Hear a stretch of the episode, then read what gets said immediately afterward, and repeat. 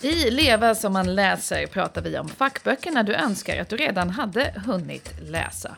Och vi inte bara läser dessa böcker, vi testar att leva dem. I varje avsnitt provar en av oss att följa råden i en aktuell fack eller businessbok. Jag heter Katrin Marsall och jag gör den här podden tillsammans med Maria Borelius för Ekonomikanalen EFN. Välkommen till säsong två av Leva som man läser.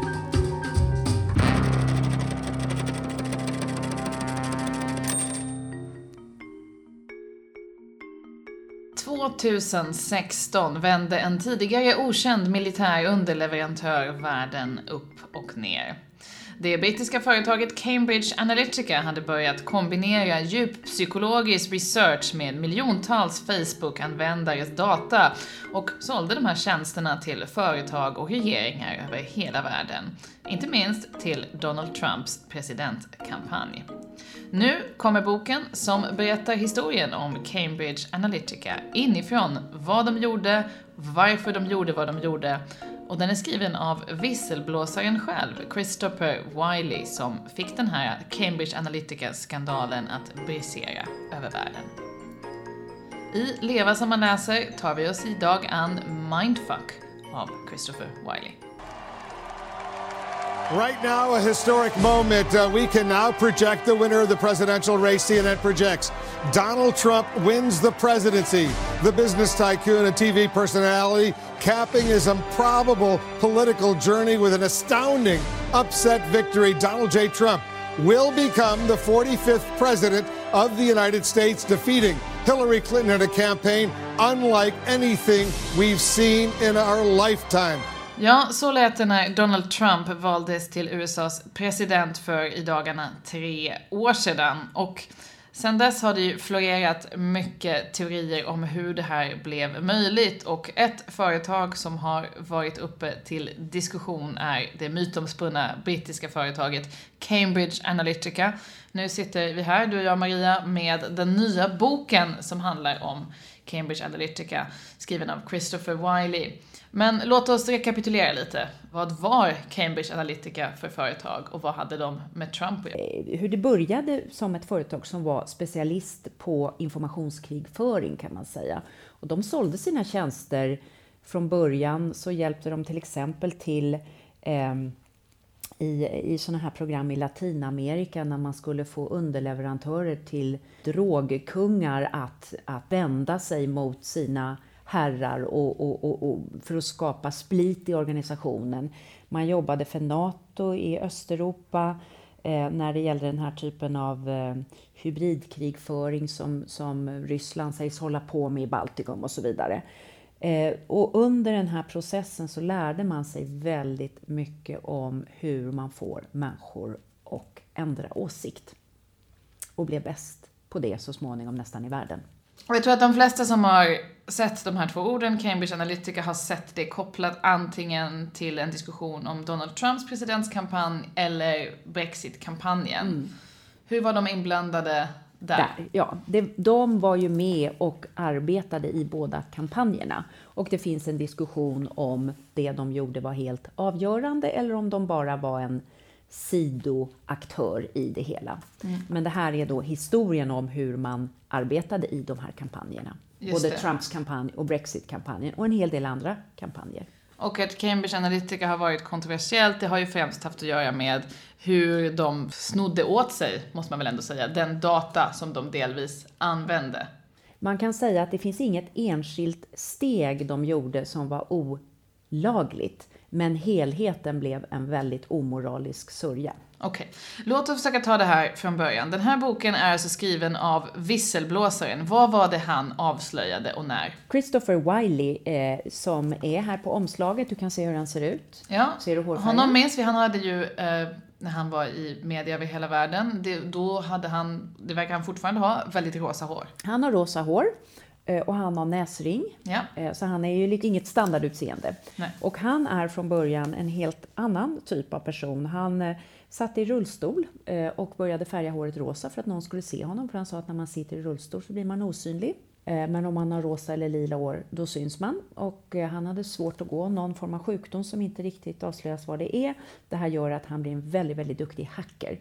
Men han är också en hacker som är väldigt intresserad av eh, människor och hur människor fungerar och kultur och trender. Och han kommer till det här företaget efter en omgång han har jobbat på kampanjen för Liberalerna i Kanada.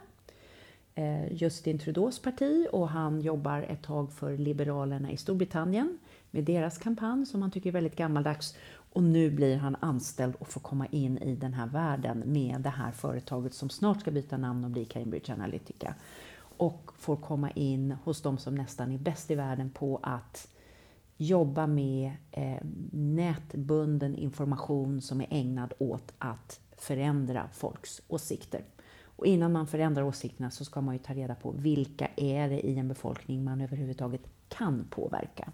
Och på vilket sätt kan man påverka dem till att tycka andra saker? Eller tycka det de redan tycker fast ännu mer och ännu mer extremt. Och det är det det här företaget utvecklar teknik för. Och eh, några år innan eh, Trump väljs så får de besök av en man som beskrivs som Steve from America. Och jag gissar att det är Steve Bannon, Trumps ja, strateg. Trumps strateg. Och vad har du för uppfattning om Steve Bannon? Nej, men Steve Bannon var ju någon slags chefsintellektuell och strateg för Donald Trump. Han eh, jobbade med att bygga upp det här som kallades för alt-right media, strukturen i USA, där man då spred den här typen av budskap som ledde fram till Trumps valseger. Han verkar, vad jag har förstått, ha väldigt stora ambitioner att bygga någonting globalt. Eh, en väldigt tydlig kritiker av det som man kallar för globalister och liksom den globalisering som vi ser idag. Ehm, en eh, stor man i sjaskiga kläder är väl den bild jag får upp i, i huvudet av Steve Bannon. Men han hade ju en konflikt med Donald Trump och kastades sen ut från Vita huset, mm. eller hur? Ja, Eh, och man kan säga att han representerade ju liksom en ny typ av högerideolog för han hatade stora företag lika mycket som han hatade regeringar. Och han kommer eh, 2014 till eh, Cambridge Analytica. Och man har då ännu inte bytt namn. Och då har Cambridge Analytica vid det tiden så börjar man bli väldigt, väldigt duktiga på det här med hur man ska skaffa information om människor, hur man ur deras beteende på sociala medier ska leta efter två typer av personligheter som man vet är väldigt lätta att påverka. Och det ena är neurotiska människor. Mm. Neurotiska människor har lätt att tänka paranoida tankar och tänka att saker kommer gå åt helvete. Mm. Och att man kan se på folks beteende på sociala medier om de är paranoida. Och det andra man ska leta efter är narcissistiska personligheter.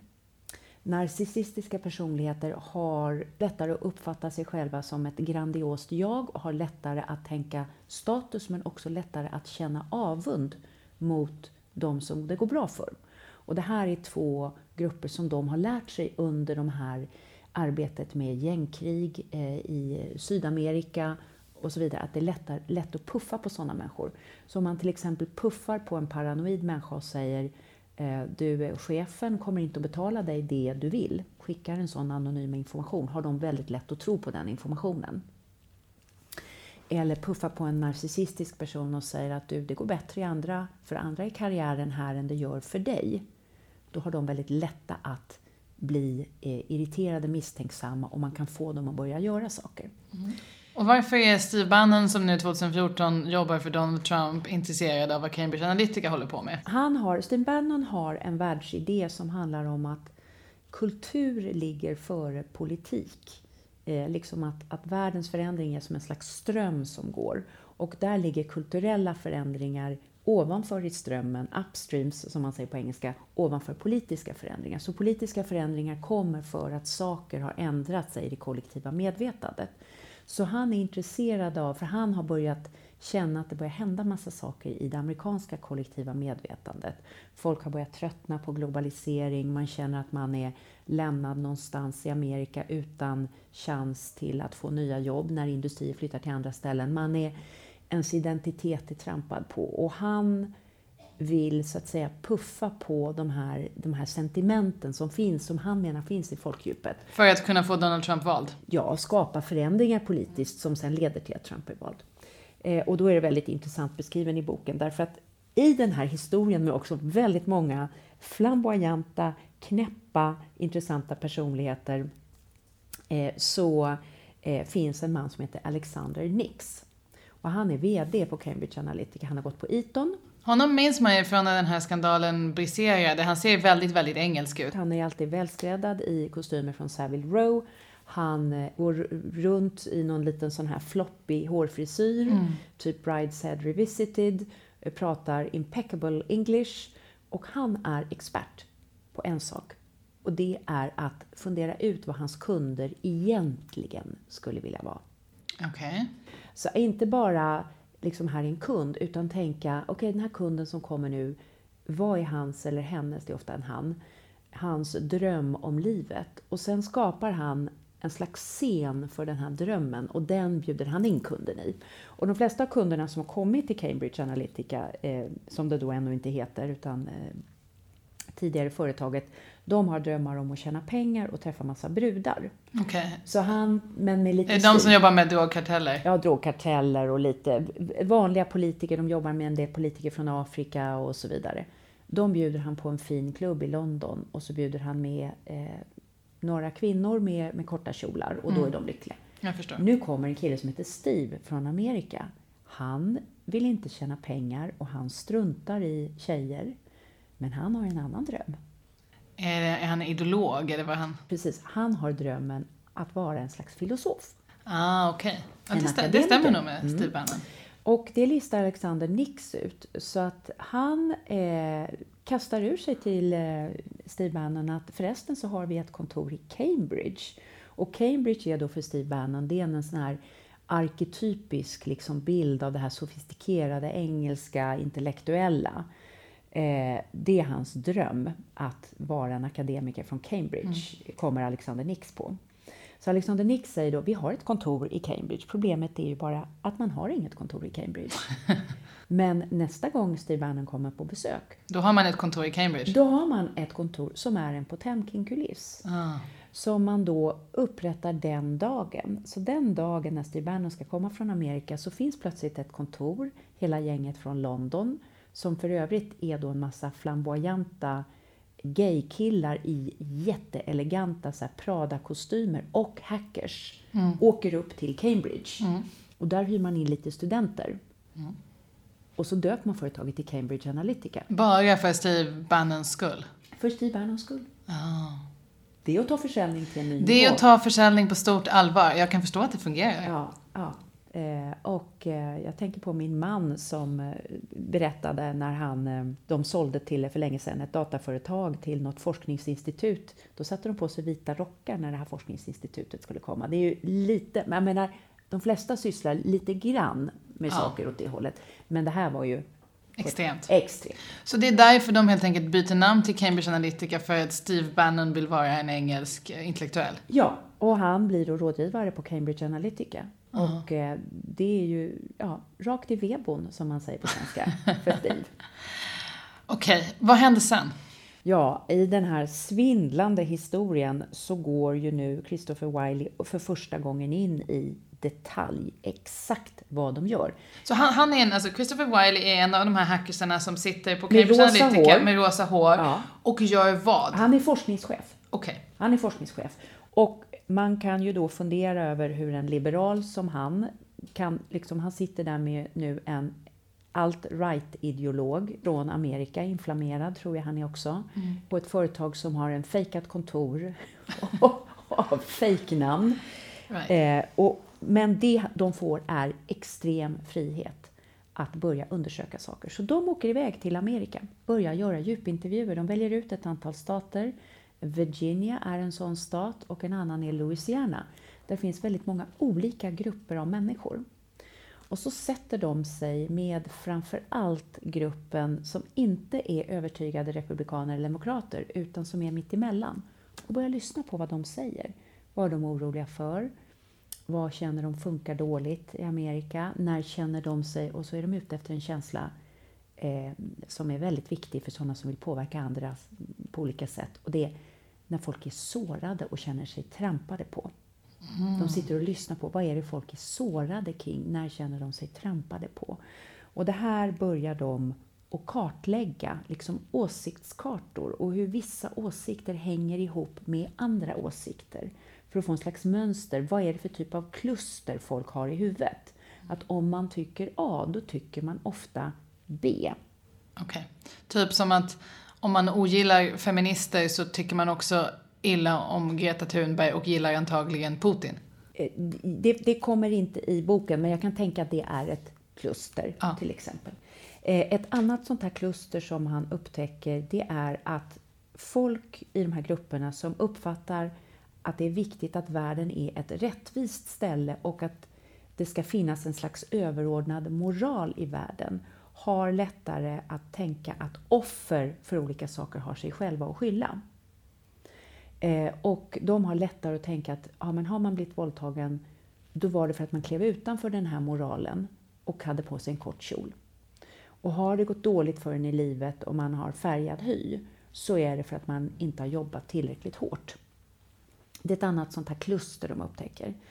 Eh, och en av de viktigaste saker de upptäcker det är att starka åsikter ligger väldigt nära ens identitet. Så när man har en jättestark åsikt, till exempel jag är vegan på det här brinnande sättet, mm. då blir det också en identitet. Liksom, jag verkligen är vegan. Ja, precis. Du inte bara inte äter kött, Nej, utan du är vegan. Vegan, det, det är liksom en del av, av, av mig, mitt mm. varande. Och då lär de sig också en viktig sak, att ju mer man försöker skambelägga den starka åsikten som folk har. Oj, vad jobbigt det blev nu när jag skulle ha middag och varför ska du vara vegan Maria? Ja. Nu måste jag laga annan mat till dig. Precis. Ju mer kommer jag att bli vegan. Ju ah. mer kommer jag att vilja tala om för dig hur dåligt djuren mår och att det är du som är omoralisk som äter kött. Mm. För att du har fått mig att känna mig dålig för att du får anstränga dig mer. Som en åsikt är kopplad till ens identitet, då tar man kritik av den åsikten som en attack mot sin identitet och då väljer man att istället försöka stärka upp sin identitet. Ja, och precis. Man kan säga att eh, känslosystemet i hjärnan är den största cheerleadern man har och skyddar en hela tiden.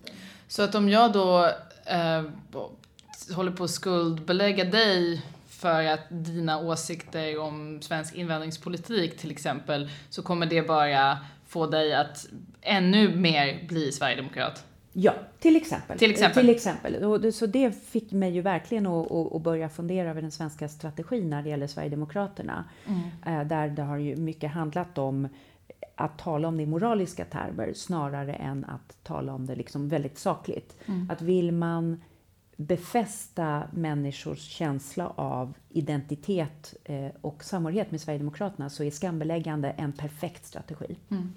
Det kommer att förstärka eh, de här känslorna. Eh, och det här är saker som man liksom inte riktigt har hittat tidigare. Så det här är en del av... Så att från det här med drogkarteller och ryska infiltratörer har man lärt sig vilka kan man knuffa på. Och nu när man gör djup, djupintervjuerna börjar man se hur åsikter hänger ihop. Och nästa steg är att man börjar lära sig hur man ska prima människor. vad, vad betyder det? Andra. Mm, jag ska göra ett experiment på dig. Katrin, känner du dig lycklig idag? Ja. Skala 1 till 5? 5. Femma, härligt. Eh, du, om du tänker på folk i samma jobb som du, finns det folk där som tjänar mer pengar än vad du gör? Ja, det, det, det tror jag att det finns. Ja. Mm, mm. Och nu frågar jag dig igen, känner du dig lycklig Katrin?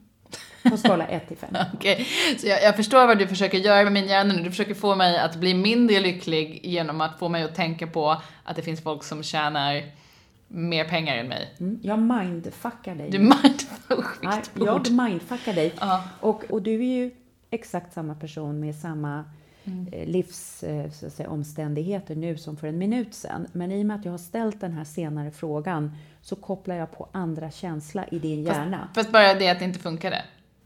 Jo, ja, lite gjorde det, för jag såg på ditt, ditt ansikte att du blev lite mindre lycklig. Du såg det? Jag såg det var det vetenskapligt? Ja, det var vetenskapligt. Jag ja. såg det och du var ju beredd på det här lite grann.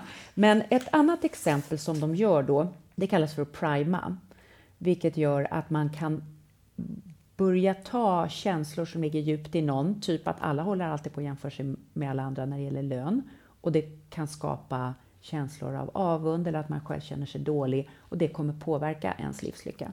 Ett annat exempel som de lärde sig vid de här samtalen i Amerika, det var att eh, förstärka inneboende känslor av rasism. Mm. Så att de kunde till exempel säga till någon, eh, kan du föreställa dig ett Amerika där du inte längre kan uttala någons namn? Okej, okay, ja det låter jobbigt. Mm, och då börjar folk känna så här, men då känner jag mig dålig. Mm. Mm. Och det där känslan att du börjar känna dig dålig, den kan man då gå vidare. Och så visar jag dig en lista med en massa namn som är jättesvåra att uttala och som liksom är väldigt främmande. Och då ställer de frågan, hur svårt är det att uttala de här namnen? Okej, okay, det är jättesvårt. Det är jättesvårt. Eh, och nästa fråga kunde de ställa, kan du komma ihåg någon gång när folk skrattade åt sådana som inte kan uttala etniska namn? Mm. Ja, det, det kan jag. Ja, och då börjar du känna känslor av? Uh, att skam och att man är dålig om man inte kan det här, att man inte klarar det här. Att man är nedtryckt, mm. precis. Och nästa känsla som man gick på då är Finns det vissa människor som använder politisk korrekthet för att få andra att känna sig dumma eller för att själva komma framåt i livet? Okay. Då börjar man tänka på att vissa kommer använda min osäkerhet kring de här etiska namnen för att själva framstå som bra personer och få mig att känna mig mm. dålig. Nu har jag börjat skapa en klyfta mellan liksom oss vanliga som inte kan uttala alla de här namnen för vi inte har varit i alla de här länderna mm. och vissa andra som försöker göra sig fina på min bekostnad. Just det. Just det. Så, så nu har jag liksom spelat på den här känslan av att eh, det finns en liberal elit. Och du förvandlar politisk korrekthet till en attack mot mig personligen. Och mot min identitet. Ja. Och när jag känner mig dålig, då förvandlas jag till ett lejon. Jag vill slå mm. tillbaka och mm. jag hatar. Mm, precis. Och det är det här de börjar lära sig. För att du vill komma ur känslan av att du känner dig dålig? Dålig, för att jag är min egen bästa cheerleader. Mm. Jag kommer alltid att försvara mig. Mm. Och nu försvarar jag mig mot den här elitens vilja att göra mig dålig. Mm. Så att folk reagerade, de kunde se att om man jobbade så här så kunde man få fram en känsla av att det fanns liksom en liberal elit som försökte kasta skam på människor som hade svårt att uttala etniska namn. Mm. Och det skapade hat och alienering. I... Okay. Så de lär sig begripa de här eh, psykologiska klustren och eh, förstå mer och mer hur man kan påverka människor. Hur kopplar de sedan detta till Facebook och data och hackers, alla de saker som man associerar till Cambridge Precis. Analytica idag och den här skandalen. Mm, precis. Och det är ju den tredje grejen. Det första var då, vilka ska vi gå på? Det andra är, hur går vi på dem? Och det tredje okej, okay, nu måste vi få tillgång till massor med människors information. Mm. Och vad man gör är att man upptäcker att det finns ett antal appar som är kopplade till Facebook. Och när man går in på de här apparna så måste man fylla i lite information om sig själv. Det gör direkt att via den här appen så får man tillgång inte bara till hela den personens Facebook utan till alla den personens Facebooks kompisars Facebook. Mm. Och varje människa har i snitt 200-300 Facebook-kompisar. Så en nedladdare av den här appen ger tillgång till 200-300 Facebook-konton. Och när de börjar skicka ut ett antal sådana appar som är ganska användbara och som håller på med helt triviala grejer som att sortera information och så vidare, så, så kommer de till slut över 68 miljoner Facebook-användare. Mm. Och där kan de i slutändan sitta framför en TV-skärm. Du och jag sitter i ett kontorsrum nu med en TV-skärm. Om du tänker en TV-skärm på väggen där de kan sitta och i realtid titta på miljontals Facebook-användares realtids Facebook-användande samtidigt som de har lagrat information om den människas kreditvärdighet, eh, hur den har röstat i tidigare val, sociodemografiska faktorer och olika kluster som hör ihop med olika åsikter kring den här människan. Och det finns då en jätteintressant scen när de sitter med Steve Bannon och visar vart de har kommit. Och Alexander Nix, han den flamboyanta Eton-killen, bestämmer sig för att testa systemet och då har de zoomat in på någon kvinna i Nordamerika och sagt ja men här bor hon och hon röstar så och hon tycker så, och hon håller på med det här på Facebook. Han tar reda på hennes telefonnummer och ringer upp henne i mötet medan de sitter och tittar på henne på skärmen eh, och säger att hej, jag ringer från Cambridge och jag är forskare där, får vi ställa dig några frågor? Och då har de precis tittat hur hon tycker om vissa tv-program. Och då frågar han, tycker du bättre om det här tv-programmet än det här? Ja, jag tycker bättre om det här. Och all den information han får ur henne visar sig stämma exakt det som de har fått fram när de har gjort en digital avatar av henne. Mm. Och Steve Bannon sitter där och bara liksom käken droppar ner i, ja. i, i, För det här är ju politiskt guld. Nej, men det här är... Man kan ju härska över världen med mm. den här mm. tekniken. Alltså i, i, i, i, vems händer som helst. Företag, regeringar. Jag, jag blev helt chockad när jag läste det här måste jag säga. Mm. Och sen så Christopher Wiley som då sitter med sitt rosa hår och jobbar med detta, med all den här datan. Sen går han och blir visselblåsare och pratar med The Guardian om vad Cambridge Analytica har gjort och det här blir en skandal som briserar över världen. Hur går det till? Ja, det är ju en process där han, han säger först vande vi oss att det var så knäppa människor som gick runt inne på Cambridge Analytica. Det var mjälliga eh, amerikanska valstrateger, det var afrikanska diktatorer med jättehattar, eh, det var olika människor som kröp längs väggarna i svarta kostymer. Eh, men en dag bara känner han då att eh, vi höll på att kidnappa hela demokratin. Och hans egna politiska värderingar ligger väl på ett helt annat sätt. Och han är ju en, en, en gay-kille som är ute i Londons gay och, och, och gillar dragkläder. Mm. Eh, så hans egna världsbild var väldigt annorlunda. Eh, och bara bestämmer sig för att lämna företaget. Han har också blivit väldigt förnedrad av den här Alexander Nix som alltid var väldigt taskig mot sina medarbetare och, och snål och vill inte betala biljetter för dem ordentligt och sådär. Så han är bara trött på det hela och bestämmer sig för att liksom gå lite tyst.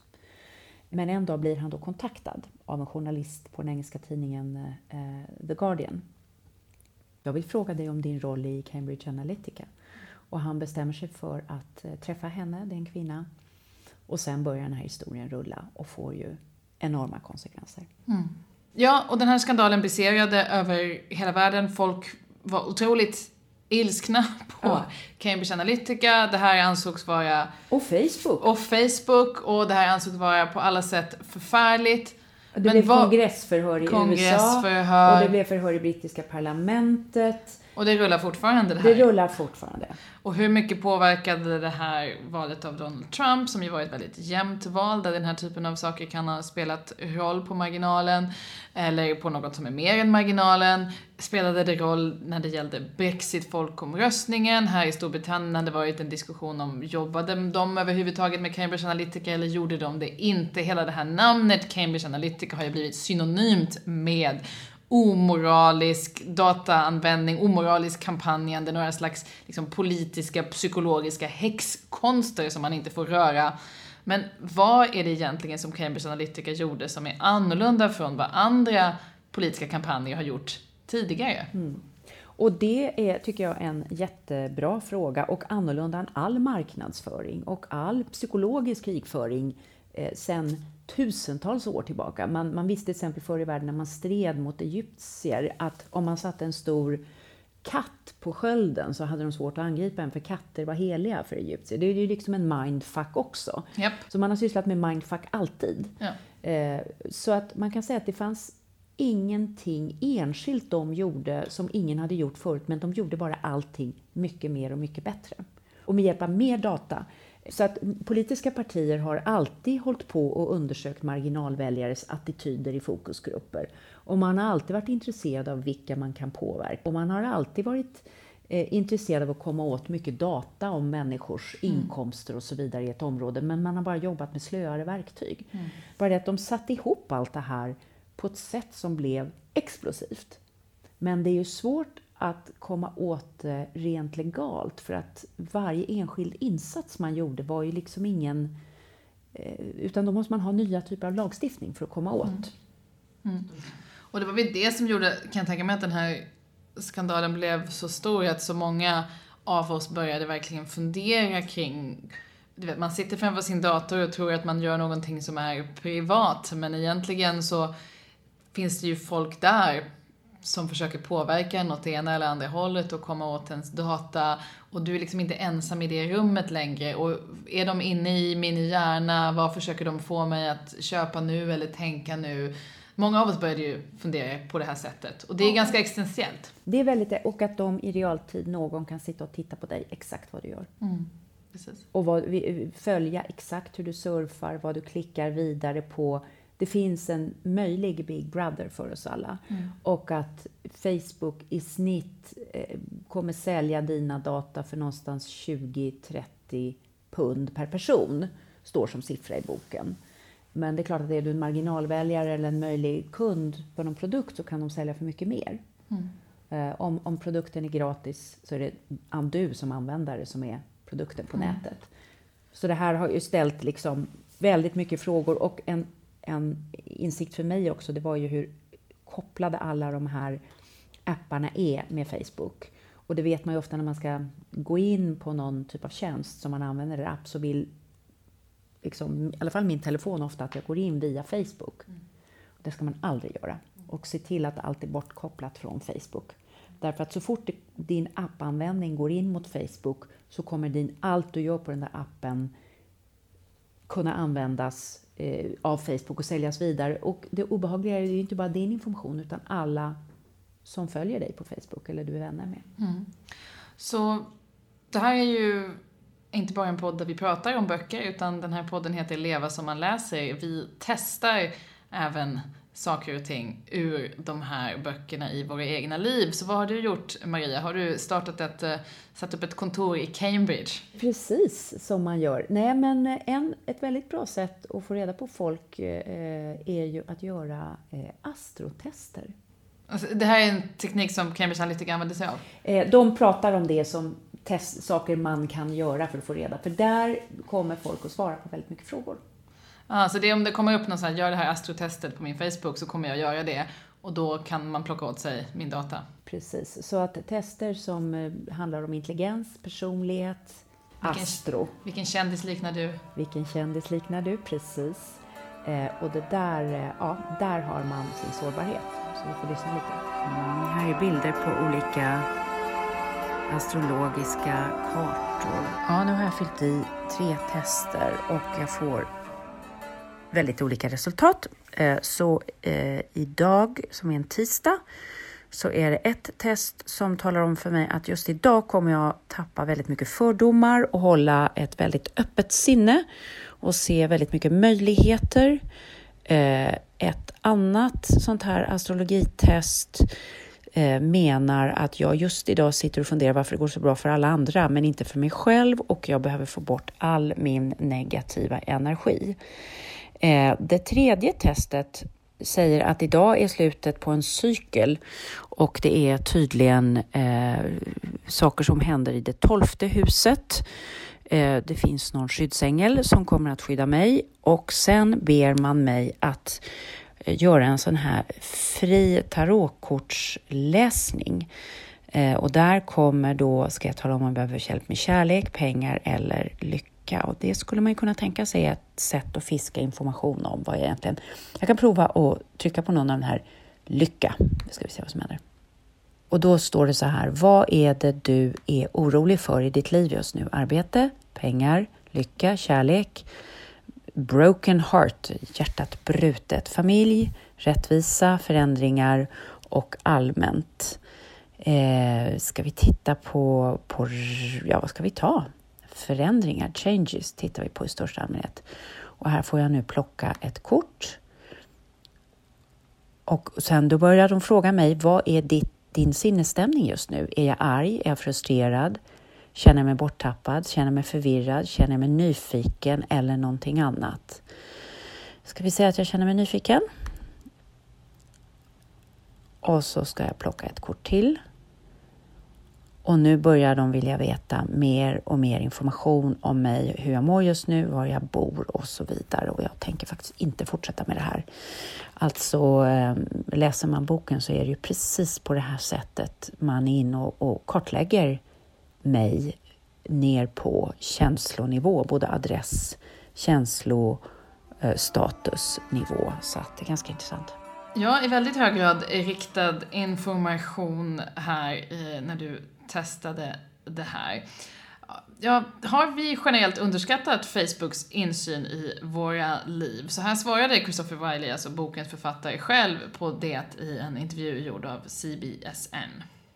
I, I, think people may be sort of theoretically aware that like somebody can do something, but you know when you look at um, you know a lot of some of the past revelations, you know, like Edward Snowden, Chelsea Manning, and all that, a lot of people kind of went, well, like if I'm collateral collection or whatever, I'm not the target, somebody else is the target.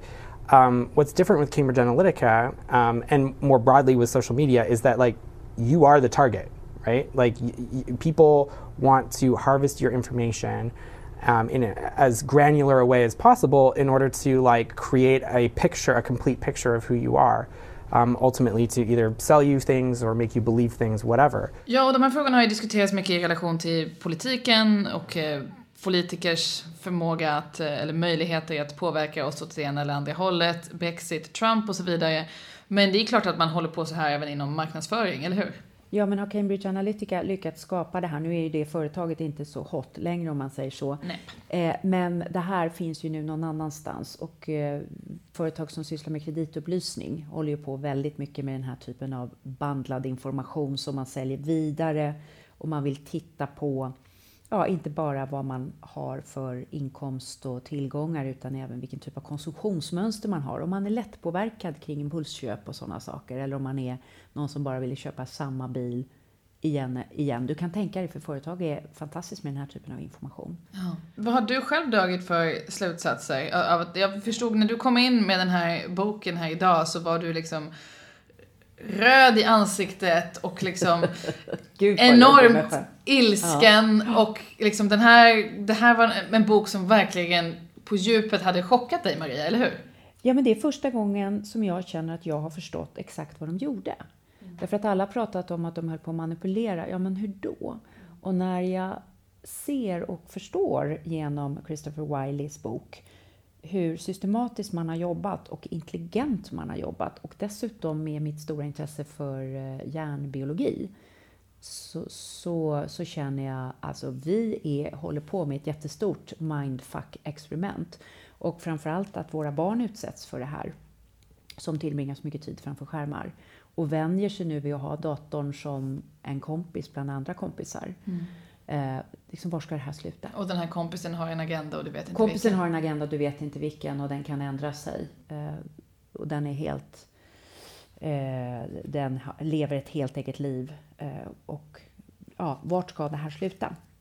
Vad gör du själv annorlunda efter att ha läst den här boken? Jag kommer att gå igenom alla mina appar och se till att ingen av dem pratar med Facebook. Mm.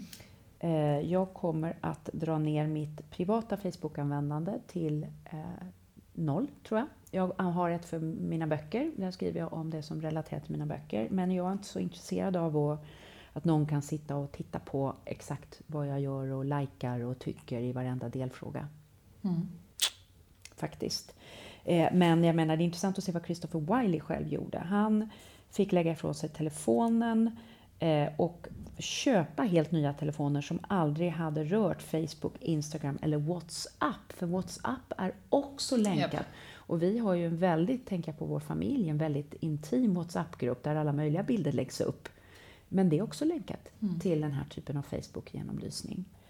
Um, och titta på ja, hur alla de här apparna söker för access till mikrofoner och kameror. När jag la ut det på Facebook så var det flera som skrev till mig när jag har suttit och pratat om att åka på semester så börjar det komma upp annonser på min Facebook för semesterresor till de ställen dit vi pratade om att åka till Spanien eller var det något som någon skrev. Det är väldigt obehagligt. Folk känner sig avlyssnade. Vad, vad händer egentligen? Men hur mycket av det här är egentligen bevisat? För det är klart att det här skulle ju kunna vara ett mindre fenomen. Det finns ju en del som har sagt att liksom det Cambridge Analytica gjorde, de gjorde det som de, man har sagt att de gjorde, men det var kanske inte sådär väldigt effektivt ändå på att övertala människor. Det är väldigt svårt att mäta just den biten. kanske, det här skulle kunna vara ett ändå ganska marginellt fenomen, men det är klart att om man börjar tänka i de här banorna, det är någon som lyssnar på mig, det är någon som tar all min information, allt jag säger är de intresserade av, så kan man bli lite paranoid. Finns ja, det inte en risk? Ja, och ja, det Eller är det bekräftat? Ja, Eller berättigat? Jag, jag kanske har ett grad av neuroticism då som gör att jag har lätt att tänka katastroftänkande. Men om man drar ut linjerna i det här som, som Christopher Wiley säger så kan man se ganska obehaglig utveckling och kombinerad med, tycker jag, att våra politiker liksom är sömngångare i det här techlandskapet. Alltså har ingen känsla för, ingen kunskap om det eh, och eh, inte riktigt förstår det. Eh, så, så tror jag att vi är många som måste börja diskutera på djupet vad det här betyder. Men det håller vi ju på med. Vi gör ju den här podden till exempel. Eh, Sen kan man säga så här att om man ska vara liksom lite kritisk till det här materialet så kan man säga att Christopher Wiley har ju också ett egenintresse av att beskriva eh, det egna arbetet på Cambridge Analytica som multifantastiskt och världsomspännande. Exakt. För det här är ju en slags anställnings... eh, Alltså ett, på något sätt ett CV för honom också, den här boken. Så här duktig jag var mig och eh, anställ mig, jag kan komma och göra fantastiska saker. Men det känns som att han har en väldigt moralisk nerv i- genom den här boken också. Och det var ju också därför som Alexander Nix hela tiden tryckte på allt fantastiskt som Cambridge Analytica kunde göra. För det var ju ett sätt för honom att sälja deras tjänster. Och kanske kunde de inte göra allt det de sade sig kunna göra i sitt sälj, säljprat helt enkelt. Så det får man också ha i, i I bakhuvudet. bakhuvudet, precis. Men jag tycker att för den som eh, kanske inför julen vill ha lite intressant julläsning eh, så kan jag verkligen rekommendera den här boken Mindfuck. Det är bland det bästa jag har läst. Jaha. Mindfuck till jul av Christopher Wiley. Inside Cambridge Analyticas plot to break the world. Du har lyssnat på Leva som man läser. Jag heter Katrin Marsall. Och jag heter Maria Borelius. Hej då!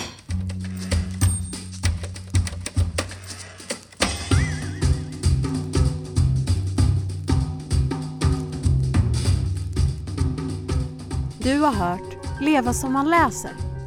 Ansvarig utgivare är Anna Fagerström. Och Leva som man läser görs av EFN, Ekonomikanalen.